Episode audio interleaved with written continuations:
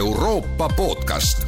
saade valmib koostöös Euroopa raadiote võrgustikuga Euronet pluss, mõista Euroopat paremini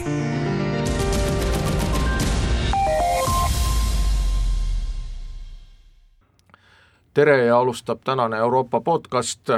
Prantsusmaa presidendivalimised on võitnud praegune president Emmanuel Macron. Võidu tagamaadest ja Prantsusmaa ning Euroopa tulevikust on tänases Euroopa podcastis kõnelemas Prantsuse ekspert Vootele Päi, tere päevast! tere Erki, tänud kutsumast! ja mina olen Gerd Kibavski ja no alustame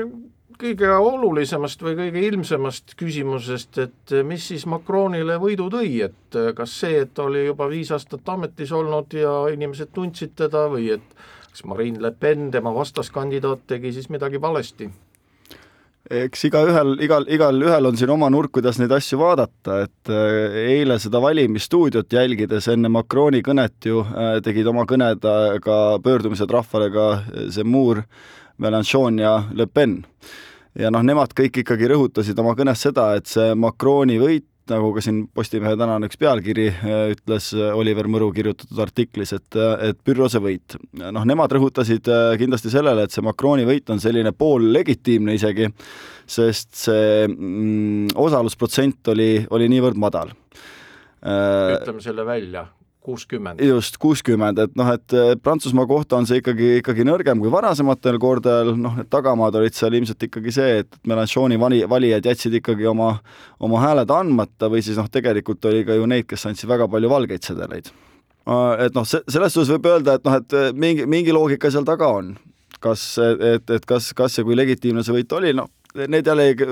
siis teiselt poolt, teiselt poolt jällegi öeldakse, et võit oli ikkagi mäekõrgune ja suur saavutus, sest, sest äh, ikkagi siin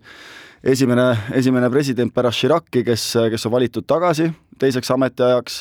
äh, omades sealjuures ka noh, nii-öelda enamust Rahvusassamblees, et ikkagi tugev ja sümboolne võit. Jällegi, kui me vaatame esimest vooru, siis tegelikult esimeses voorus ju, kus iga, kus igaüks sai valida, keda tahab, kus valik oli suurem kui kaks kandidaati, seal Macron isegi kasvatas oma toetust võrreldes, võrreldes nii-öelda eelmise ringiga. või noh, eelmise korraga, kaks tuhat seitseteist aastaga. Et äh, keeruline, keeruline on öelda, et ühest küljest on näha, et, et ikkagi mingi baas, lojaalne baas on Macronil tekkinud äh, ja, ja nemad teda toetavad teiselt poolt, eks, eks ikkagi väga paljud hääled, mis ta sai, olid, olid Le Peni vastu mm,. miks Le Pen kaotas? Äh, ma julgeks väita, et talle sai saatuslikuks kaks asja. üks, üks asi oli ikkagi see, et, et selles debatis, mis, mis oli väga otsustava tähtsusega, eelmisel möödunud nelja, kolmapäeva õhtul oli vist see debatt, teledebatis, seal ta ikkagi taaskord, nagu ka eelmisel korral, jooksis natuke lati alt läbi, et äh, Le Pen on oma kuvandit püüdnud pehmendada äh,, Äh, olnud nagu selline mõõdukam, isegi natukene võib-olla feministlik, et arvestades seda, et tema kampaania nii-öelda slogan oli femme d'etat ehk siis äh, nii-öelda äh, mitte, just, et mitte riigimees, et muidu on Prantsusmaal ka homme d'etat, nagu tüüpina nagu meilgi riigimees, aga riiginaine, et ta üritas nagu sellist feminismi natukene sisse tuua. Äh, aga, aga suures plaanis läks ta ju hästi selliste äh, sotsiaalsete, sotsiaalsete ja ka sotsiaalmajanduslike teemade peale, kus räägime, räägime, eks ole, äh, hinnatõusust, ostujõust, kõigest sellest, aga seal debatis ikkagi noh, Macron sõitis tast päris korralikult üle, et noh, seal oli näha, et, et Le Penil seda kompetentsi ikkagi ei ole äh,. Mélenchon keelas Le Peni poolt hääletada äh, ja mitte küll otse Macroni poolt, aga et aga... põhimõtteliselt, põhimõtteliselt Mélenchon, noh, mina arvan, et äh, ma ei ole nagu meelevaldne, kui ma tõlgin seda niimoodi, ütles, et äh, pigem jätke hääletamata, aga ärge Le Peni poolt kindlasti hääletage. ja no tegelikult, kui me nüüd tuleme nende sotsiaalmajanduslike küsimuste juurde, siis on ju ka räägitud sellest, et et prantslasi see Ukraina sõda väga ei huvitanud, ikkagi huvitasid need nii-öelda leiva ja või küsimused, sissetulekud ja nii edasi, ja, ja noh, võiks ju eeldada, et see oleks toonud Le Penile edu, sest noh, Le Peni ju seostati väga palju Venemaaga, noh, me oleme näinud neid pilte, kus ta on kätelnud Putiniga, noh, Macron ka, aga Macron teeb seda, tegi seda sellepärast, ta oli president, on ju, ja noh, Le Pen tegi seda sellepärast, et Putin oli tema pankur, nagu no, Macron talle otse stuudios ütles. just nimelt, eks ole, ja Le Pen on noh, poseerinud ka, eks ole, Nõukogude sümboolikas. absoluutselt, no Le Pen ju oli äh, paar päeva enne, enne Ukraina sõja algust ju Le Penil tulid need valimisflaierid välja, kus oli valimisflaieri esikaanel oli suur pilt sellest, kuidas ta Putiniga kätles, et noh, neid siis hakati regioonidest kokku korjama kiiresti seal kahekümne kuuendal veebruaril. ikkagi ei mõjutanud ju väga, eks ole. no tegelikult mina julgen väita, et ikkagi mõjutas, sest ma arvan, et, et see nii-öelda Venemaa seos, et kui seda poleks olnud, oleks eh, tegelikult Le Peni toetus isegi suurem olnud. et ta oleks võinud, tegelikult ta oleks võinud sealt, sealt võita, et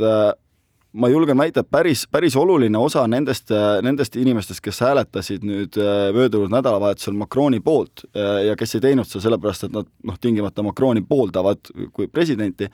nad tegid seda kahel põhjusel. üks põhjus on kindlasti äh, kliimaprogramm, sest Le Pen oli ju ka väga niisugune kliimaskeptik ja Macron oli vastupidi, siis tahab ju, nagu oma kõnes ka ütles, et teeme, teeme ökoloogilise riigi nii-öelda. ja teine põhjus, ma ikkagi julgen väita, et, et Ukraina on teema, et et noh, Macron ju isegi oma kõnes mainis ära eile nagu, et see on, see on ikka päris, päris märgiline, kui, kui oma nii-öelda äh, võidukõnes äh, president äh, märgib, märgib ära Ukraina teema, et see näitab, et see on ikkagi riiklikult tähtis, noh, seal kui vaatasid kas või äh, otse, otse-eetris kommentaatoreid Prantsuse telekanalites, seal oli samamoodi, nagu meilgi on näha, Ukraina lipukesed rinnas, et et see ikkagi on teema, et ma julgeks väita, et, et Le Pen, Le Penile läksid, see kaotus tuli noh, asjatundmatus majandusvaldkonnas, siis võib-olla see kliimaskeptitsism, mis oli Melanchoni valijate jaoks väga tähtis ja mis, mis, mis võis talle minna maksma hääled ja siis äh, kindlasti ka Ukraina ja Euroopa Liit, sest noh, Euroopa Liit ja Euroopa Liit on ikkagi prantslaste jaoks selline üsna püha, püha üritus ja Macron on Euroopa Liit on nagu kokku just, kasvanud. absoluutselt, et noh, võtame selle, et siin suunati tähelepanu sellele, et kui Macron jalutas eile siis sinna sümboolselt võiduväljakule, siis äh, mängis, eks ole, Euroopa Liidu hümn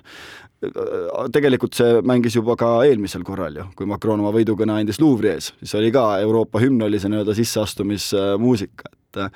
prantslased on olnud skeptilisemad NATO suhtes, aga noh, nüüd see Ukraina sõda kindlasti on nagu ka neid meeleolusid seal muutnud, et noh, me näeme, kuidas siin Soome ja Rootsi hakkavad, äh, valmistuvad NATO-ga liituma, et, et äh, ma arvan, ka prantslaste seisukohad see NATO suhtes on muutunud ja NATO suhtes oli Le Pen väga, väga, väga kriitiline, et aga kuidas sa näed seda, millest räägiti enne eesistumise algust ja siis seega ka enne Ukraina sõda, et äh, Prantsusmaa on siis presidendivalimiste kampaania, samal ajal on Euroopa Liidu eesistumine, et need jooksid kokku sellepärast, et Ühendkuningriik lahkus, lahkus Euroopa Liidust ja siis see noh, roteerumiskord nagu äh, läks niimoodi, et äh, see Prantsusmaa ja Euroopa Liidu eesistumine langes kokku presidendivalimiste kampaaniaga. aga kuidas see mõjutas, tundus, et võib-olla väga palju ei mõjutanudki, sest see Ukraina sõda nagu see muutis seda kõike ta oleks kindlasti rohkem mõjutanud, kui Ukraina sõda poleks olnud, et see oleks võib-olla nagu rohkem silma paistnud. jällegist julgen väita, et äh, Macroni aktiivsus Ukraina sõjas ja ka need kõned Putiniga, mida meil on kritiseeritud palju, et seal see taust ikkagi, me peame aru saama sellest, et ta oli Euroopa eesistujariigi president, et tõenäoliselt ka see pani talle teatava surve peale selles kriisis rohkem osaleda, kui ta oleks tahtnud ja ega see ju ei tulnud talle päris nagu äh, ohvriteta ka, et äh, kui me siin räägime sellest, mis seisud olid enne esi, vahetult enne esimest vooru, et ikkagi Macroni toetus nende, nendel nädalatel alguses see sööstis muidugi üles Ukraina sõja tingimustes, aga see väsimus tuli suht kiiresti, siis see hakkas jälle alla minema. Äh, Mélenchon ja Le Pen mõlemad, mõlema toetus hakkas tõusma seal noh, viimane nädal-kaks enne esimest vooru et see Ukraina sõda oli, oli kindlasti tegelikult mängis ikkagi ka seal nendes toetusprotsentides mängis rolli. noh, mis puudutab eesistumist, siis ma arvan, et äh, Macron oli seal noh, omas elemendis, sest tema on ikkagi olnud nagu Prantsusmaa kui Euroopa Liidu ühe sellise juhtriigi president, et ta on nagu näinud, noh, see tema kuvand ja identiteet ja, ja valitsemisstiil, kõik on ikkagi Euroopa Liiduga väga tihedalt seotud, et kindlasti olid omas elemendis seal. No räägime nendest äärmuslastest või äärmuslusest, et tõepoolest, et viiskümmend kaheksa, nelikümmend kaks, viiskümmend kaheksa protsenti siis laias laastus Macronile ja nelikümmend kaks Le Penile. aga sinna juurde tuleks siis liita ikkagi ka need inimesed, kes hääletasid Melanchoni poolt, siis vasakäärmuslased, et see, sellest on ju, rahvusvaheline meedia on seda täis, aga, aga räägiks korra seda nagu lahti, et et mõelda nagu sellele et, et nelikümmend kaks protsenti Prantsuse valijatest, noh need, kes siis käisid hääletamas valivad pares, paremäärmuslast, noh, siin tekib ju küsimus, et kas me saame rääkida üldse äärmuslasest enam, kui nagu nelikümmend kaks protsenti inimesest hääletab. no tavaliselt äärmuslasteks nimetatakse inimesi, kelle protsent kõigub seal viie ja kümne vahel jaa, ma saan aru, mida sa mõtled, et äh, ütleme ka niimoodi, kui ma olen kuulnud neid nii-öelda tituleeritakse Le Peni kui paremäärmuslaseks, et noh, ma ise võtan seda ka juba sellise nii-öelda kerge koguse soolaga, et noh, ega ta, kui sa vaatad neid ideid, mis ta esindab äh, ja, ja mis ta nii-öelda sotsiaalne programm, sellised meetodid on, et noh, seal, seal võib öelda, et ta kindlasti ei ole nii äärmuslik, kui ta varem oli. ja, ja noh, äärmusi, äärmusi ju defineerib, eks ole, kõige, kõige äärmuslikum ja antud valimistel oli selleks ju see muur, et noh, see, see muuri äh, tekkimine pildile lükkas Le Peni ikkagi päris kõvasti tsentrisse. aga see, see muur võttis Le Penilt ka hääli ära siis? ta kindlasti võttis, ta kindlasti võttis äh,, aga, aga ja siin, siin, siin, siin ma jällegi siis äh, toon, toon sisse selle, mis on Äh, et, et kuidas see Ukraina ja Venemaa seal rolli mängivad, et, et kui Le Penil on noh, olnud sidemed Putini kohtumisega, rahalised sidemed, et noh, siis see muur on ikkagi noh, väga venemeelne, et, et tema ei tahtnud isegi Ukrainast põgenikke vastu võtta, rääkimata sellest, et mingisugust relvaabi anda. Putinit on ta ikkagi ülistanud, ta on kohtunud Jakuniniga, noh, need, see on avalik info, mis on, mis on teada, mitte mingid, mingid spekulatsioonid Eh, et see muur kindlasti nagu jah, tõi sellise uue täiesti noh, uue, uues mõõtmes nagu paremäärmusluse sinna poliitilisele maastikule, mis on huvitav, oli see, et ta oma eilses kõnes ähm, ta ütles, et äh, väga teravalt, et see on nüüd siis kaheksas kord, kui Le Peni nimi on valimised kaotanud, viidates siis nii Marine Le Penile kui ka tema isale. Et noh, kõik, et mida ta tahtis siis öelda, on see, et noh, et nüüd aitab küll, et kui me tahame siin äh, nii-öelda natsionalistlikumat poliitikat teha, siis ilmselt Le Peni nimi on ära väsinud ja aeg on see välja vahetada. aga siis ta samas kuidagi nagu kohe üritas juba kõnetada, et nüüd tulevad need äh, legislatiivvalimised, et me peaksime ikkagi proovima kuidagi koostööd teha ja jõud ühendada, et ühest küljest sa võtad nagu selle erakonna juhi Le Peni, eks ole, solvad teda natukene ja siis, siis ütled, aga tegelikult me võiksime koostööd ka teha. Ehm. Aga kui me räägime nagu valijate käitumisest veel, siis noh, ma vaatasin täna ka seda valimistulemuste kaarti ja huvitav, huvitav oli seal see, et kui eh, nii-öelda selle õige Prantsusmaa või selle siis Euroopas oleva Prantsusmaa kaart näitas seda, noh nagu tavaliselt ikka näitab, eks ole, et enamik Prantsusmaa eh, departemange hääletas Macroni poolt ja siis mõni oli ka Le Peni poolt siis üle mere territooriumid hääletasid nagu valdavalt Le Peni poolt, et miks see niimoodi oli? Ma arvan, et seal on ikkagi see, see kuvandite küsimus suuresti, et, et Macroni on seda ette heidetud, mõnevõrra põhjendatud, et ta on selline eliidi president, ta on kaotanud kindlasti võrreldes eelmiste valimistega oma uudsuse, ta on hästi palju tegelenud just ju Euroopa küsimustega, selliste küsimustega, mis inimestele kuskil nagu kaugematel ülemere saarekestel paratamatult võõraks jäävad. Äh, ja ei pea olema üldse kaugel see ülemere saar, et kui võtta näiteks ette Korsika kaart, mis ju tegelikult asub äh, Nitsast äh, tunnikese lennukisõidu kaugusel, ka seal on Le Pen ülekaalukalt pildis. mis puudutab Macroni, ta mingi hetk käis päris agaralt ringi seal nii-öelda siis ülemere piirkondades aga ma arvan, et võib-olla seal võiski äh, kätte maksta seesama ühest küljest Ukraina kriis ja, ja, ja see, et ta oli väga, ta ei jõudnud enam nagu vahetult enne presidendivalimisi sinna minna, samal ajal kui Le Pen ikkagi neid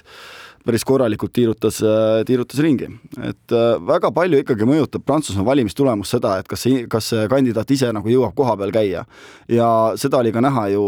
toetusest nii-öelda siseriiklikult Prantsusmaale, et noh, Macron, kui Macroni toetus hakkas seal langema nädal, nädal enne seda, enne esimest vooru, siis läks aktiivselt käima see kampaania, kus Macron külastas väiksemaid linnu, regioone ja see kohe omas oma mõju tema toetusele no aga räägime nüüd tulevikust ka, et no mis sa prognoosid, et Macronil seisab ees viis aastat taas presidendina ja see on põhimõtteliselt tema ju viimane ametiaeg, et kas äh, Macron tahaks siis jätta endast maha ka midagi ja saavutada mingeid läbimurdeid Euroopas, kui me võtame ka nii-öelda Euroopa Liidu, et tahaks saada Macron võib-olla selliseks suureks eurooplaseks? ma olen päris kindel, et, et seda liini, mis ta on siiamaani ajanud, suurem Euroopa koostöö, sõltumatum Euroopa Liit, iseseisvam Euroopa Liit, ma arvan, et need teemad ei kao kuhugile, ta kindlasti toob neid isegi äh, rohkem pilti, sisepoliitiliselt ma usun, et äh, ta julgeb nüüd võtta rohkem riske, sest noh, ega ta tegelikult riske ei vältinud ju ka oma esimesel ametiajal, et meenutagem, tegelikult on ma pean ütlema, mina kartsin, mina kartsin neid valimisi sellepärast, et ega need viis aastat on olnud päris turbulentsed. et me mäletame kollaveste, me mäletame pilte sellest, kuidas triumfikaar on lüüstatud, need olid tegelikult ikkagi suured, suured äh, protsessid, mis Prantsusmaal on see viie aasta jooksul toimunud ja me lisame sinna koroonapandeemia Koroona, et äh, ja, ja kui vaadata ikkagi sisuliselt, et küsitakse, kuidas Macron, eks ole, toime tuli. Äh, Prantsusmaa majanduskasv vist viimaste andmete järgi hetkel on seitse protsenti. see on täiesti pretsedenditu Prantsusmaa jaoks kõikidel viimastel aastatel. Ähm,. ei, vabandust, nüüd ma eksisin, ei olnud seitse protsenti, ei mäleta, igatahes on korralik majanduskasv, seitse protsenti on töötuse tase. Äh, ja see on, see on üks väiksemaid, mis siin viimase kolmekümne aasta jooksul, just, äh, et äh, Macron ja Macron on ikkagi suutnud koroona kollavestide kliima rohepöörde kiuste ikkagi üles äh, tuua tagasi Prantsusmaa kui nagu reaalse majandusliku jõu ja see ei ole noh, selline objek-, see ei ole selline subjektiivne arvamus, et seda ikkagi näitavad kõik, äh, kui võtta siin mingid reitinguagentuurid, äh, usaldus majanduse vastu, eksport, import, et kõik need indikaatorid räägivad ikkagi sellest, et Prantsusmaa on majanduslikus mõttes äh, hetkel väga, väga õigel teel. Ja noh, seda, kuidas nad on koroonapandeemiast äh, toibunud ja välja tulnud, seda ju tunnustasid isegi äh, noh, väga tuntud inimesed, et Krugman kirjutas, Paul Krugman kirjutas ka ju kolumni sellest, et kuidas Ameerika võiks võtta Prantsusmaa eeskujuks. Aga see oli tänane Euroopa podcast, aitäh Vootele Päi stuudiosse tulemast, kõike head ja kuulmiseni!